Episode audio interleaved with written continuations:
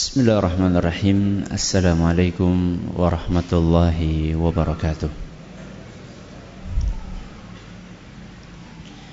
الحمد لله رب العالمين وبه نستعين على أمور الدنيا والدين وصلى الله على نبينا محمد وعلى آله وصحبه أجمعين أما بعد Kita panjatkan puja dan syukur kehadirat Allah Tabaraka wa Ta'ala. Pada kesempatan malam yang berbahagia kali ini Kita masih kembali diberi kekuatan, kesehatan, hidayah serta taufik dari Allah Jalla wa Ala.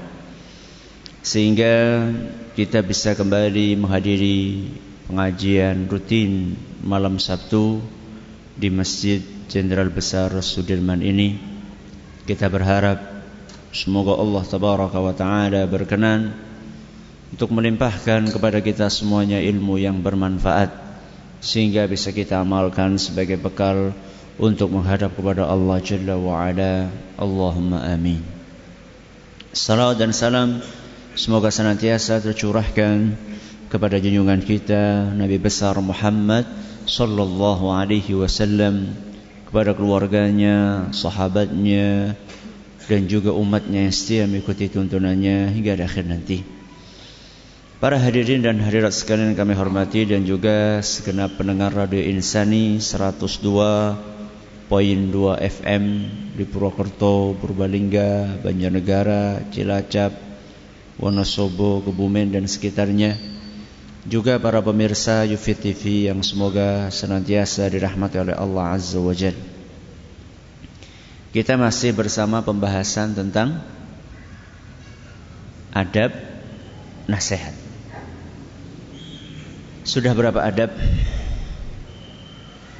Berapa? Lima. Yang pertama ikhlas. Yang kedua berilmu. Yang ketiga mengamalkan apa yang disampaikan. Yang keempat memilih metode yang tepat. Yang kelima, yang terakhir kemarin. Tanam jasa sebelum menyampaikan nasihat. Hari ini kita akan masuki adab yang keenam. Sebelumnya kita perlu mengetahui bahwa ketika kita berjalan di muka bumi ini,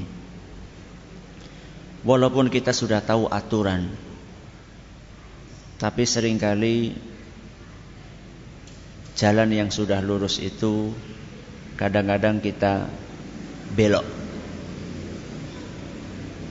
Sudah tahu aturannya A, tapi sering kita melanggar. Contoh saja lampu merah. Contoh saja lampu merah. Lampu merah sudah tahu kalau merah itu waktunya berhenti. Kalau kuning siap-siap untuk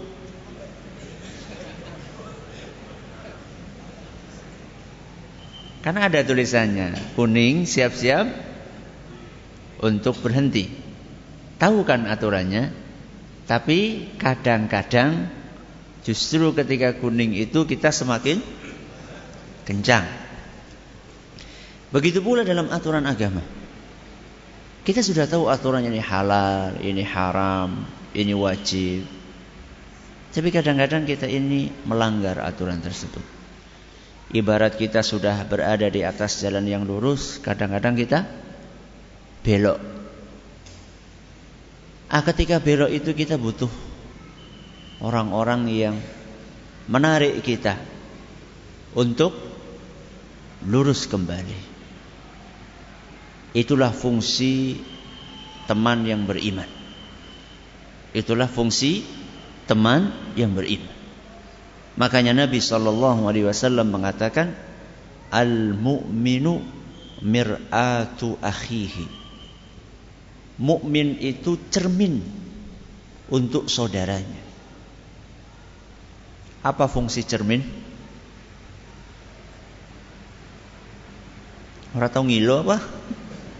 Apa fungsi cermin? untuk bercermin. Fungsi cermin adalah untuk bercermin. Ketika kita bercermin, maka cermin itu akan menampakkan diri kita apa adanya. Kalau ganteng ya cermin itu akan mengatakan ganteng. Kalau kurang ganteng, cermin itu yang mengatakan kurang ganteng. Gak ada cermin yang kemudian jenengan ganteng, tahu-tahu di cermin gak ganteng atau sebaliknya. Jenengan gak ganteng, cerminnya membuat jenengan ganteng. Kalau Photoshop mungkin, ya. Tapi kalau cermin enggak. Cermin apa adanya. Ya. Ya kira-kira begitulah fungsinya seorang mukmin buat saudaranya. Dia akan mengatakan saudaranya apa adanya. Kalau memang saudaranya melakukan keburukan, ya dia katakan itu buruk. Kalau saudaranya mengatakan eh, melakukan ke, kebaikan, ya dia akan mengatakan kamu baik. Itulah fungsi seorang mukmin. Makanya Nabi SAW setelah mengatakan al-mu'minu mir'atu akhihi Mukmin itu adalah cermin buat saudaranya. Beliau melanjutkan sabdanya, "Idza ra'a aiban aslahahu." Kalau dia melihat ada kekurangan di dalam diri saudaranya, maka dia berusaha memperbaiki. Dan ketika memperbaiki hadis riwayat Bukhari dalam kitab Al-Adabul Mufrad dan isnadnya dinyatakan hasan oleh Syekh Al-Albani. Jadi ketika seorang mukmin melihat saudaranya punya kekurangan, dia berusaha memperbaiki dan memperbaikinya itu pakai adab. Tidak ngasal. Dan di antara adab yang diajarkan di dalam agama kita, yang keenam adalah berusaha untuk merahasiakan nasihat. Apa? Berusaha untuk merahasiakan nasihat.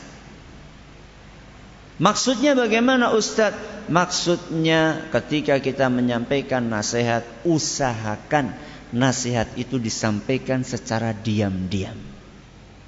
Diam-diam itu utukur menengtok, tapi menyampaikan cukup nopo empat mata.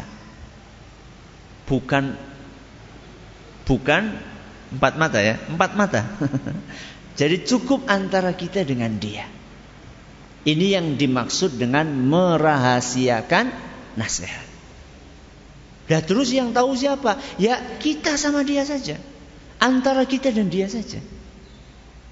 Jadi ketika kita akan menyampaikan nasihat, etika yang diajarkan di dalam agama kita, sampaikan nasihat itu berdua saja.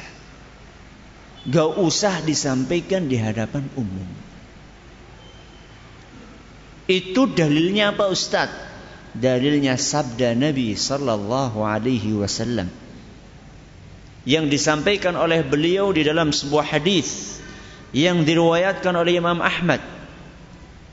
Dan hadis ini nyatakan sahih oleh Al-Arnaut ketika Nabi kita SAW bersabda man satara musliman fid dunya Barang siapa yang menutupi kekurangan saudaranya di dunia Satarahullahu azza wa jalla fid dunia wal akhirah. Maka Allah akan tutupi kekurangannya di dunia dan di akhirat. Ini kata para ulama al jaza'u min jinsil amal. Ganjaran itu akan disesuaikan dengan pekerjaan kita Ketika kita menutupi aib saudara kita, maka aib kita akan ditutupi oleh Allah Subhanahu wa taala. Di mana? Di dunia dan di akhirat. Dan di antara bentuk menutupi aib itu ketika saudara kita melakukan kesalahan bukan malah di share bukan malah disebarkan di media sosial di grup-grup WA, grup apa lagi? Selain WA apa? Telegram, bukan seperti itu. Tapi begitu kita tahu saudara kita melakukan kesalahan, tutupi. Tutupi itu bukan maksudnya ditutupi terus gak dinasehati, bukan. Maksud dari ditutupi itu adalah gak usah dibongkar, gak usah dipermalukan, datangi orangnya, nasihatkan langsung. Kalau misalnya kita punya perilaku seperti ini, maka Allah akan ganjar aib kita ditutupi sama Allah di dunia. Bisa jadi aib yang kita miliki sama aib orang yang kita bongkar aibnya bisa jadi lebih banyak aib siapa? Bisa jadi lebih banyak aib kita. Cuman kita pinter untuk menutupi, untuk kamuflase. Tapi ingat, sepandai-pandai tupai melompat, pasti akan jatuh juga. Pernah lihat tupai jatuh? Belum? Ya besoklah dicari kira-kira kapan gitu. Ya. Jadi sepintar-pintarnya tupai melompat akan jatuh juga. Sepandai-pandai seorang menutupi maaf bau bangkai maka suatu saat akan tercium juga. Apalagi kalau hobi kita adalah membuka bangkainya orang lain. Maka Allah akan bungka kekurangan kita di dunia. Bahkan dalam hadis disebutkan hadis lain hatta fi jaufi baitihi. Sekalipun dia melakukan sebuah aib itu di dalam rumahnya. Di sebuah tempat yang terkunci rapat. Allah akan bongkar itu semua kalau kita punya hobi untuk membongkar kekurangan orang lain. Itu baru di mana? Baru di dunia. Di akhirat bagaimana? Oh, di akhirat lebih mengerikan. Kalau orang yang suka menutupi aib saudaranya nanti di akhirat akan ditutupi aibnya. Maksudnya bagaimana Ustaz? Buku catatan kita itu ter, di situ tertulis secara, rapi seluruh dosa-dosa dan amal soleh yang kita kerjakan. Semuanya ditulis semuanya. Kalau kita suka menutupi aib orang lain, saudara kita punya kesalahan, kita nasihati berdua, atau kita SMS, atau kita surati, atau kita WA Jabri. Jabri apa? Apa? Ja, jaringan pribadi. Apa jangkauan? Es anu kaila apa jenengannya? Ya cuma yang tahu cuma kita sama dia saja. Kalau misalnya kita punya perilaku seperti ini nasihati suka nggak usah di depan umum langsung nemui orangnya entah pakai SMS entah pakai telepon entah pakai sarana yang lainnya. Nanti pada hari kiamat Allah Subhanahu wa taala disebutkan dalam sebuah hadis akan memanggil orang-orang yang suka menyembunyikan kekurangan orang lain. Kemudian hanya berduaan antara dia dengan Allah Subhanahu wa taala. Kemudian diperlihatkan oleh Allah terhadap hambanya tersebut.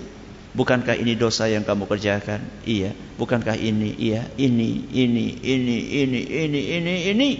Sampai mukmin tersebut mengira bahwa dia akan binasa. Saking apanya? Saking banyaknya.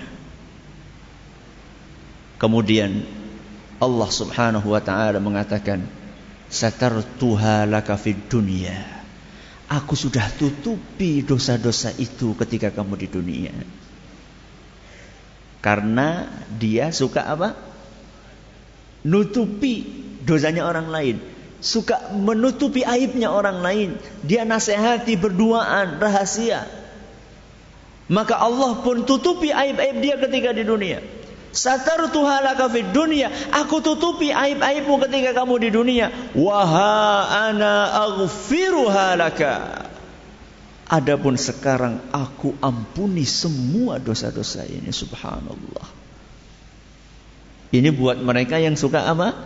Menutupi yang suka menyampaikan nasihat secara rahasia. Lah yang suka untuk membongkar-bongkar bagaimana?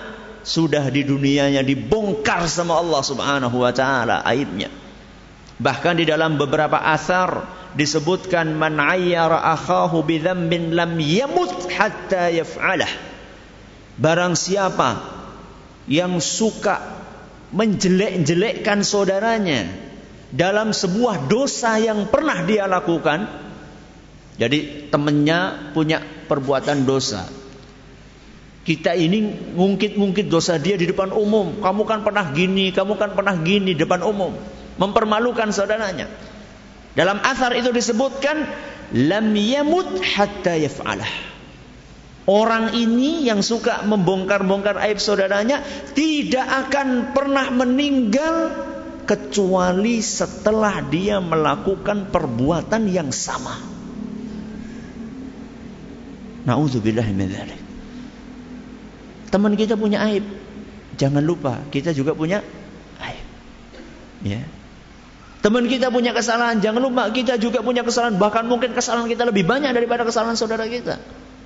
Jadi kalau ada orang suka mempermalukan orang lain dalam perbuatan dosa yang pernah dilakukan orang lain, apalagi orang lain itu sudah tobat, maka Allah akan hukum orang tersebut sebelum wafatnya akan melakukan perbuatan yang sama. Dan naudzubillah min kalau kita kalau mengikuti berita-berita di mana? di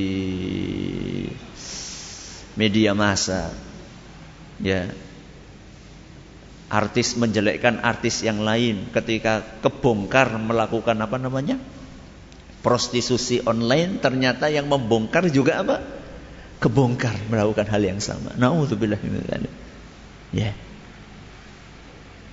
Itu baru di dunia. Di akhirat. Kalau tadi orang yang beriman ditutupi sama Allah cuma berduaan. Kalau orang-orang yang suka membongkar aibnya orang lain nanti pada hari kiamat akan dibuka seluruh dosa-dosa tadi di hadapan semua manusia yang ada saat itu. Jadi di akhirat itu siksaan buat orang tadi bukan hanya siksaan fisik tapi juga siksaan apa? Psikis. Secara psikologi dia tersiksa. Malu nih. Dan kadang-kadang siksaan psikis itu lebih sakit dibandingkan siksaan fisik. Ya. Ada sebagian orang nyongor apa-apa dijiwiti. Tapi aja dipermalukan di depan umum. Ya. Ada sebagian orang lebih tahan dicubit, dipukul, dibandingkan dipermalukan di depan umum. Karena lebih sakit perasaannya di hati. Makanya Nabi SAW berpesan, Man satara musliman fid dunya, satarahu Allah azza wa jalla fid dunya wal akhirah. Barang siapa menutupi aib saudaranya, maka Allah akan tutupi aibnya di mana? Di dunia dan di akhirat. Berarti adab yang keenam apa? Merahasiakan nasihat. Apa ada untungnya? Ada merahasiakan nasihat untungnya dari dua sisi. Pertama untung buat yang dinasehati, yang kedua untung buat yang menasehati. Ya. Berapa untung? Dua. Yang pertama untung buat yang dinasehati, yang kedua untung buat yang menasehati. Kita mulai yang mana dulu? Yang menasehati dulu apa yang dinasehati dulu? Terserah. Ya sekarang kupe ya. yang pertama, untung buat yang dinasehati. Apa untungnya? Untungnya lebih mudah diterima. Lebih mudah diterima. Kenapa kira-kira? Kok orang dinasehati berduaan lebih mudah diterima nasihatnya dibandingkan nasihat di depan umum. Kenapa kira-kira? Apa? Bikin? Merasa. Apa? Fokus. Gengsi. Betul. Kalau orang sudah diomong di depan umum akan muncul gengsinya. Kita punya gengsi nggak? Punya nggak? Gede nggak? Gede. Gede banget malah. Apalagi nun sewu, nun sewu nih. kalau orang punya kedudukan. Contoh guru, ustadz, dosen, kiai, bos, apalagi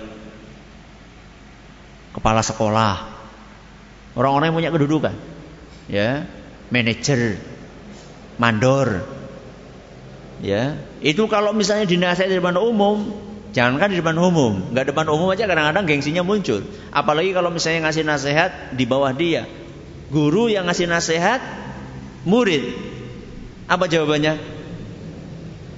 Bocah wingi sore ngerti apa? Ya. Padahal sudah jelas-jelas salah. Pak guru, Pak guru itu keliru Pak guru. Dua tambah tiga masa enam. Ya. ya kamu kan nggak tahu. Ini satunya itu jatuh tadi. Subhanallah. Tinggal mengatakan matunun gitu selesai. Tapi itulah yang namanya gengsi. Ya. Manusia itu punya gengsi yang tinggi. Kalau dinasehati di depan umum, biasanya sulit menerima karena lebih terdorong gengsinya dulu. Tapi kalau misalnya dinasehati secara berduaan, itu walaupun dia punya gengsi, akan tetapi dia tahu, oh nggak ada orang lain. Ya. Apalagi kalau mahasiswa misalnya ya, dia nasihati di kelas, di kelas ada mahasiswa dan mahasiswi. Ya. Kemudian ada mahasiswi yang sedang dia apa ya? Nah, mana mahasiswa? yang sedang dia PDKT. Waduh, di depan mahasiswi itu, waduh, harga diri saya hancur berantakan. ya, sulit akan diterima sulit. Ya. Makanya Keuntungan yang pertama adalah akan lebih mudah diterima nasihat. Kita saja nih kita kita ini. Kita pribadi seneng nggak kalau dinasihati di depan umum? Seneng nggak? Nggak seneng toh? Kalau misalnya kita nggak seneng dinasihati di depan umum, maka jangan menasihati orang di hadapan umum. Jadi kalau kita ingin berbuat sama orang lain, berbuatlah sesuatu yang kita suka untuk diperbuat hal yang sama. Makanya Nabi Shallallahu Alaihi Wasallam mengatakan, la yu'minu ahadukum. Kalian tidak akan dianggap beriman hatta yuhibba li akhihi ma yuhibbu li. Sampai dia mencintai saudaranya, mencintai kebaikan untuk saudaranya sebagaimana dia mencintai kebaikan itu untuk dirinya sendiri. Hadis riwayat Bukhari dan Muslim. Jadi apa yang kita sukai, lakukan itu buat orang lain. Kalau kita suka dinasehati secara rahasia, nasihatilah orang lain secara rahasia. Kalau kita nggak suka dinasehati depan umum, jangan nasihati orang di depan umum. Segampangannya cara wong Jawa, nek ora gelem dijiwit, aja jiwit. Kira-kira seperti itulah. Ya. Ini adalah keuntungan yang pertama. Makanya kalau kita perhatikan, para ulama kita dahulu suka memberi nasihat secara sembunyi-sembunyi. Diceritakan ada seorang ulama namanya Sufyan ibnu Uyainah, beliau bercerita, ada seorang ulama yang lain namanya Tolhah. Suatu hari ketika Tolha, eh, suatu hari Tolha ini datang kepada ulama yang lain namanya Abdul Jabbar. Abdul Jabbar saya itu lagi duduk-duduk sama teman-temannya lagi rame kayak gini lah. Tahu-tahu kemudian Tolha datang kepada Abdul Jabbar, kemudian bisik-bisik menyampaikan sesuatu, lalu Tolha pergi. Nah, Abdul Jabbar ini mungkin kan lah bok darani ngerasani bok darani tolha bok darani orang-orang yang lain oh kayak lagi ngerasani dewek akhirnya Abdul Jabbar itu cerita wahai sahabatku wahai kawan-kawanku tahukah kalian apa yang tadi disampaikan oleh Tolha kepadaku enggak dong bisik-bisik masa tahu kata Abdul Jabbar tadi Tolha negur saya wahai Abdul Jabbar Kemarin saya ngelihat kamu pas lagi sholat melirik ke kanan ke kiri. Jangan diulangi. Subhanallah. Ya. Ini ulama nasihati ulama. Ustaz, masa ulama ngelirik? Ya mungkin saja. Kenapa tidak? Ya, misalnya ada kita lagi sholat gitu kan, lagi khusyuk-khusyuk, tahu-tahu ada anak-anak lewat, pelayon gitu kan. Misalnya kita sholat di belakang apa namanya? Belakang tiang ini. Tahu-tahu ada anak lari-lari di sini. Kan penasaran juga siapa sing pelayon. Jangan-jangan anakku sing pelayon. Nah akhirnya tapi ada ulama yang lain, oh jeneng si fulan pelirak pelirik sholatnya.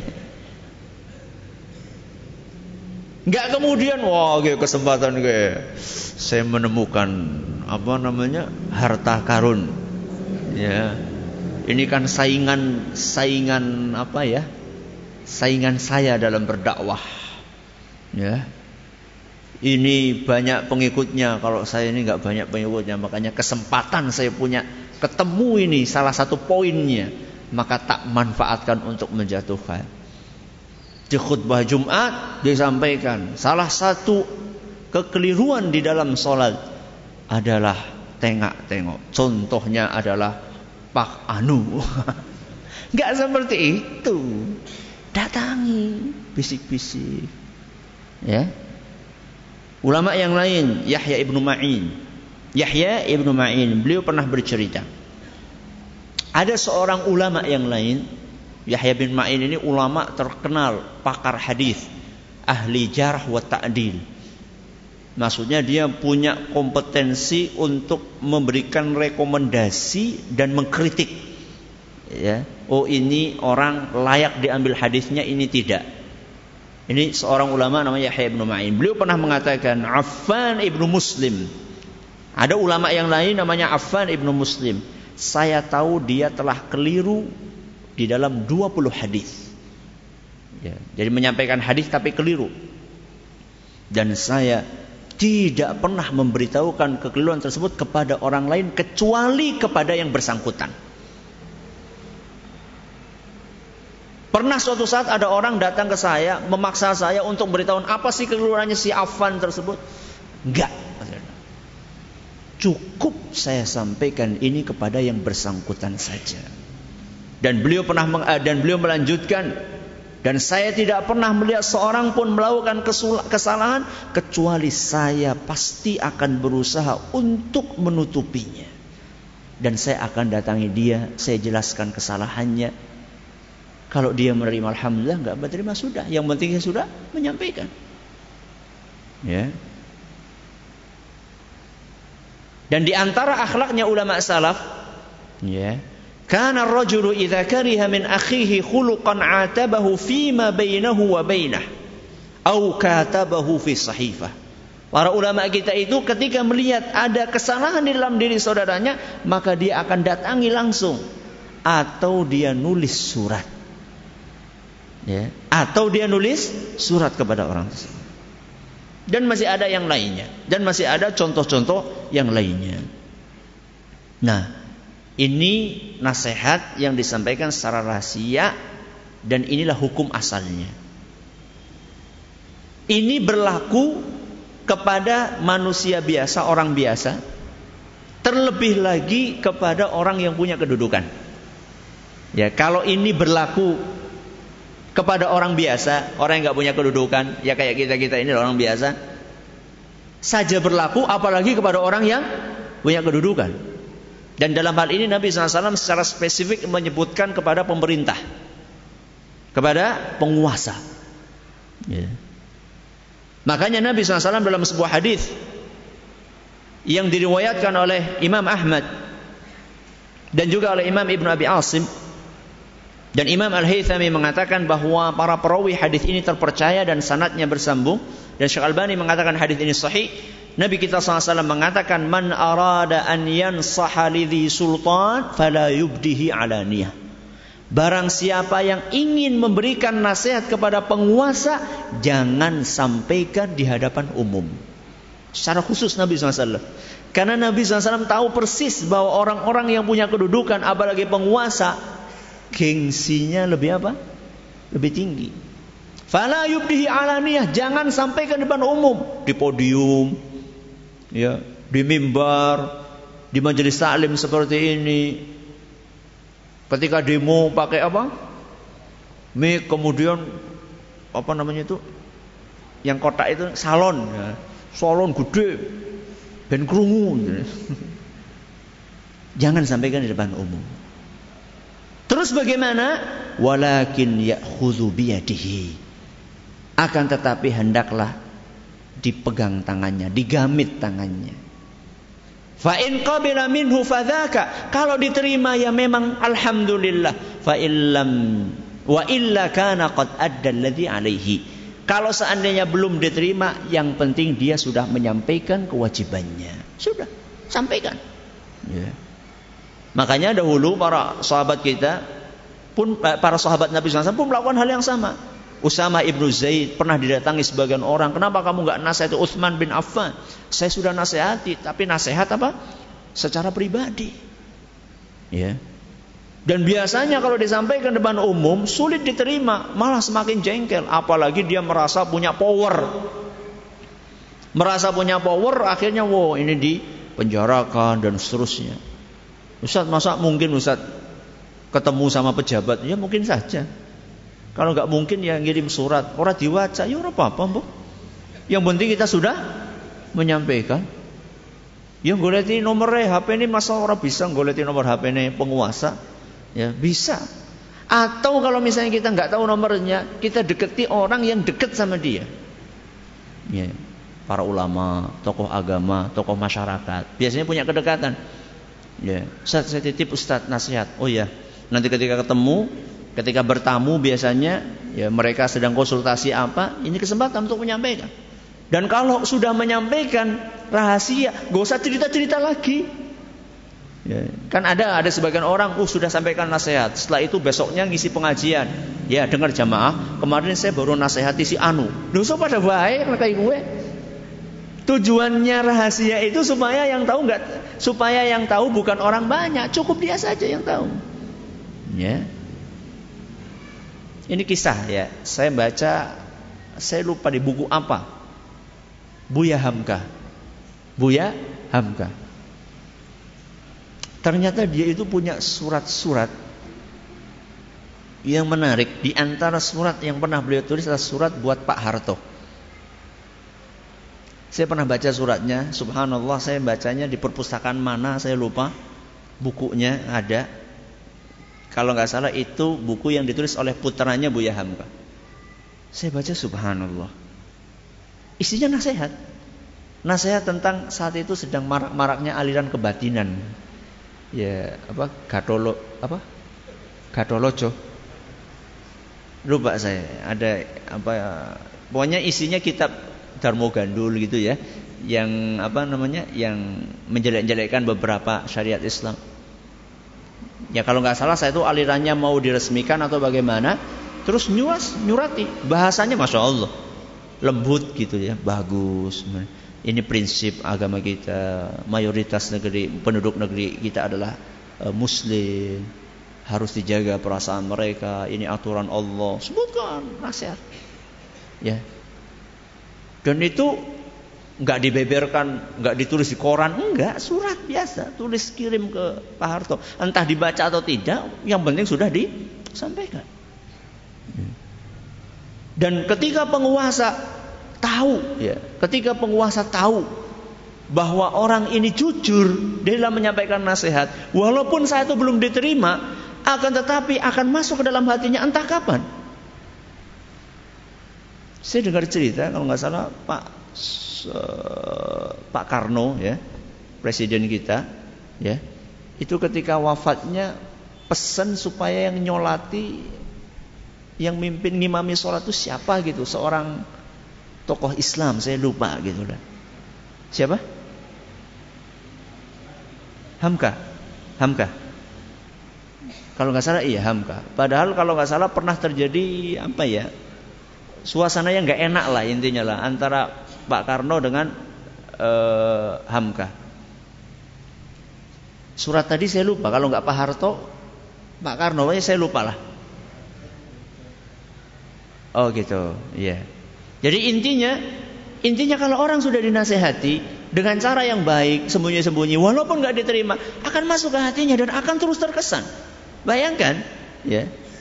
Yang dulu mungkin pernah terjadi apa ya, intrik-intrik politik yang nggak enak, tapi karena semuanya itu didasarkan di atas ketulusan, maka akan masuk ke dalam hati. Ya. Berbeda ketika nasihat sudah hadapan umum, yang ada adalah perasaan apa? Dendam. Ya. Wah ini anu punya kepentingan politik aja. Dia mau nyalon makanya itu kan kayak gitu kan. Kadang-kadang nasihat walaupun disampaikan tulus dari hati, tapi ketika disampaikan di depan umum, yang dinasehati itu akan memahami hal yang berbeda dengan maksud yang ada dalam hati kita. Ya, ini adalah keuntungan yang pertama buat siapa? buat yang memberikan eh buat yang dinasehati.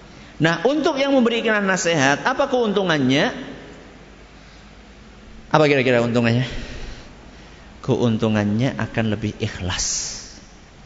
Keuntungannya akan lebih ikhlas. Dan akan lebih bersih dari tendensi kepentingan-kepentingan duniawi. Ya. Berbeda kalau misalnya nasihat di depan umum kayak tadi. Depan umum kadang-kadang kemasukan niatnya jelek. Seakan-akan ikhlas lillahi ta'ala padahal sebenarnya karena ada persaingan politik. Mungkin saja. Ya. Tapi kalau misalnya cuma berdua saja dan dia rahasiakan nasihat tersebut, apa kepentingan yang akan dia dapatkan kecuali karena mengharapkan ridho dari Allah Subhanahu wa taala? Dan adab yang pertama di dalam nasihat apa tadi eh, yang sudah saya sampaikan? Ikhlas. Ya. Dan kalau orang ikhlas di dalam menyampaikan nasihat akan lebih mudah diterima dengan izin Allah Subhanahu wa taala. Ini adalah keuntungan. Nah, kalau sudah dinasehati dengan cara sembunyi-sembunyi seperti itu, maka usahakan nasihatnya diterima. Jadi kalau ada orang sudah datang-datang capek-capek ke kita, ya meluangkan waktu, nyari waktu kosong, ya sudah japri, sudah nulis surat, usahakan nasihatnya diterima. Jangan sampai kita kalah dengan gengsi kita. Allah Subhanahu wa taala mengingatkan di dalam surat Al-Baqarah ayat 206, "Wa idza qila lahu taqillaha akhadathu al-'izzatu bil itsm." Orang-orang yang tidak baik ketika diingatkan sama orang lain, takutlah kamu sama Allah, gengsinya muncul. Ya. Dia nggak mau menerima nasihat tersebut. Orang-orang yang seperti ini, kata Allah Subhanahu wa taala, fahasbuhu jahannam. Cukup jahannam buat dia. Jadi jangan sampai kita menolak nasihat karena apa? Gengsi. Kata uh, Ibnu Mas'ud, ya, kafa bil mar'i ithman an yaqula lahu akhuhu ittaqillaha fayaqulu alayka bi nafsika mithluka yusini. Cukup seorang terjerumus kepada perbuatan dosa ketika sudah diingatkan sama orang lain, tahu-tahu dia mengatakan ente urusi diri ente sendiri. Ente urus urusan ente sendiri. Masa orang kayak kamu nasihati saya? Monggo, siapa yang azan dulu? Belum? Masih berapa menit? Tiga. Taib. Jadi kata Abdullah ibn Mas'ud, kalau misalnya kita dinasihati sama orang lain kemudian kita katakan sudahlah ente urusi diri sendiri saja. Ada nggak orang dinasihati seperti itu? Ada. Malah ada sebagian mengatakan kamu sih kepo banget kepo. Apa tahu kepo? Kepo itu apa? Pengen tahu seusil lah. Gak usah ngurusi urusan orang lain lah. Ini dosa kata Ibnu Mas'ud.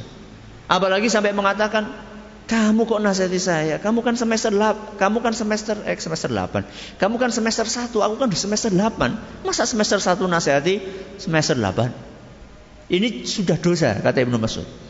Yeah. Makanya eh, diceritakan seorang khalifah namanya Harun Ar-Rasyid. Harun Ar-Rasyid.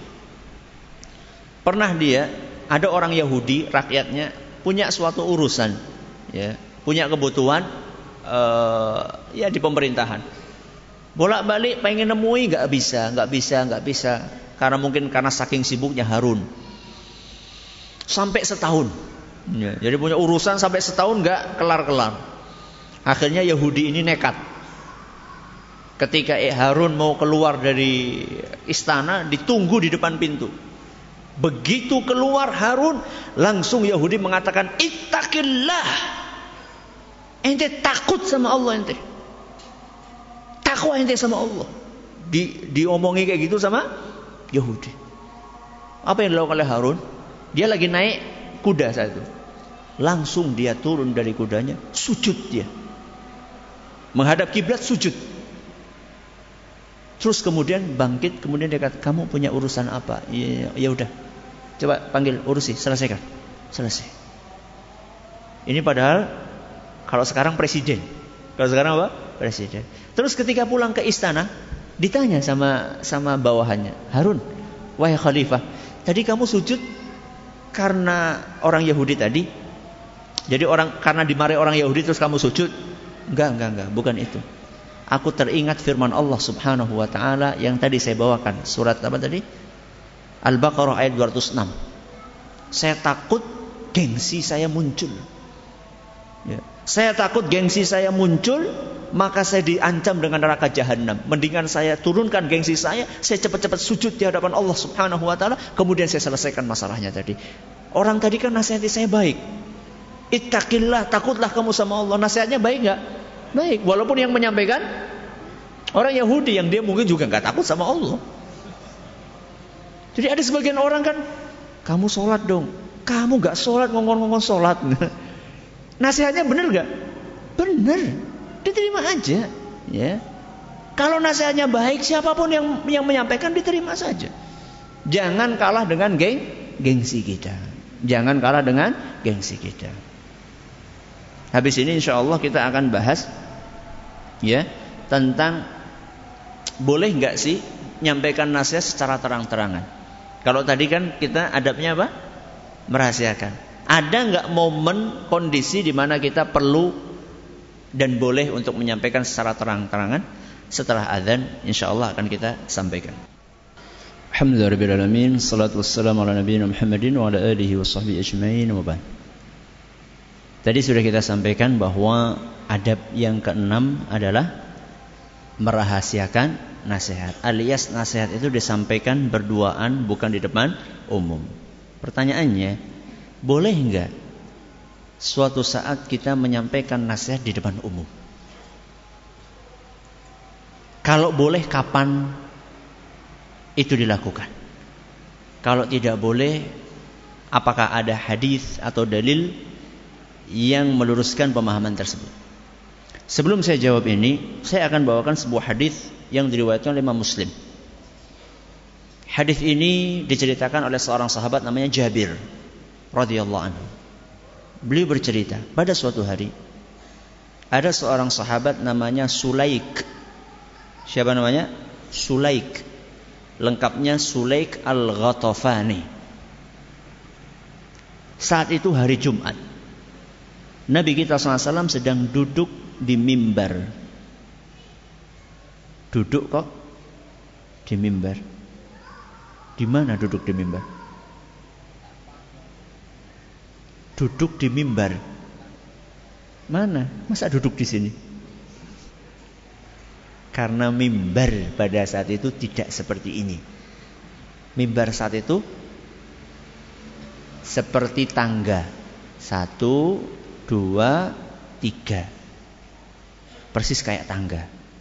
Ya, makanya kalau yang pernah e, haji atau umroh memperhatikan mimbar yang di Masjid Nabawi atau yang di Masjidil Haram itu bentuknya kayak tangga.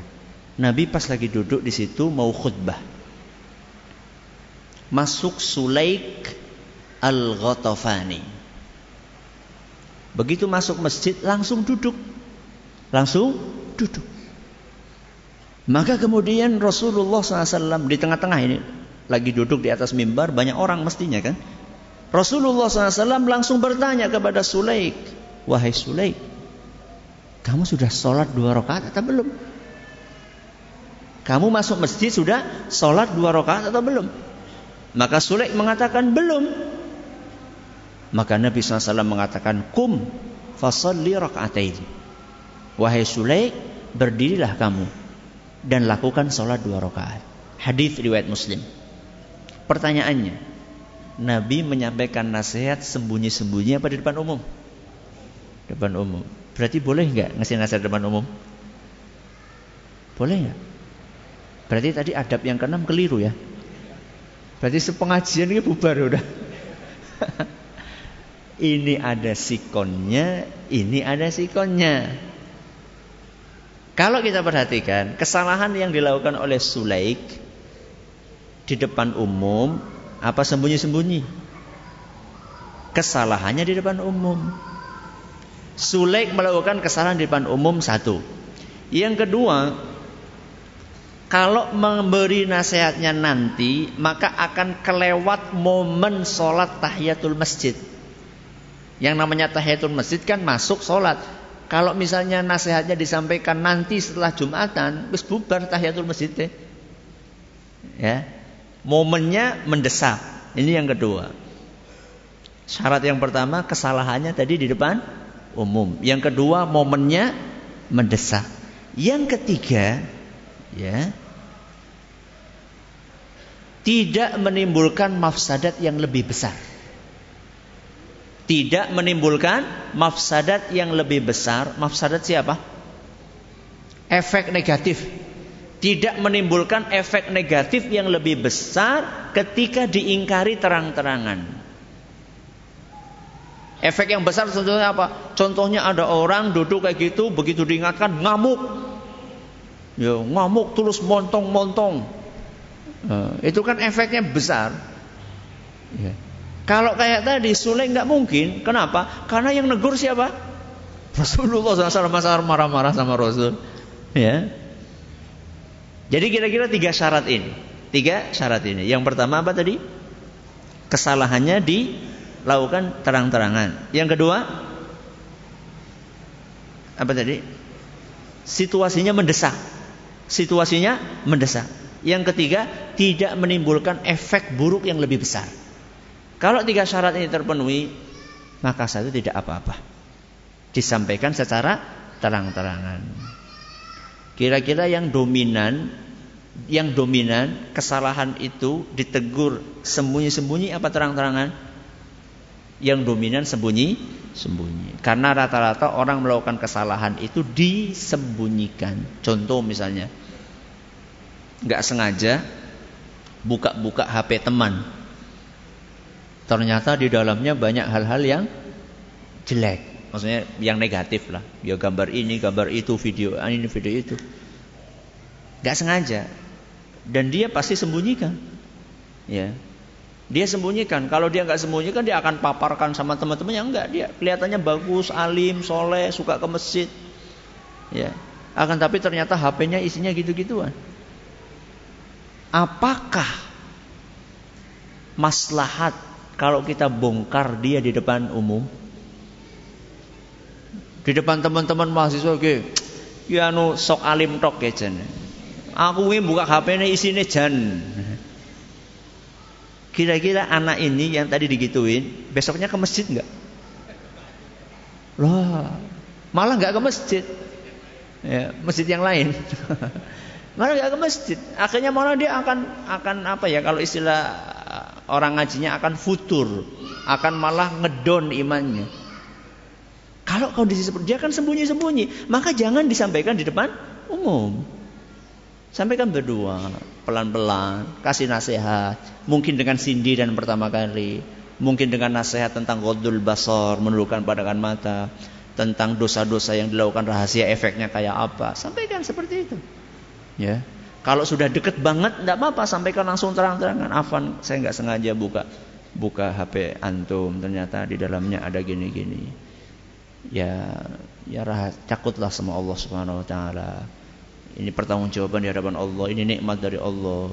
Berdoa saja, bilang sama dia, saya nggak akan ceritakan ini sama siapa-siapa.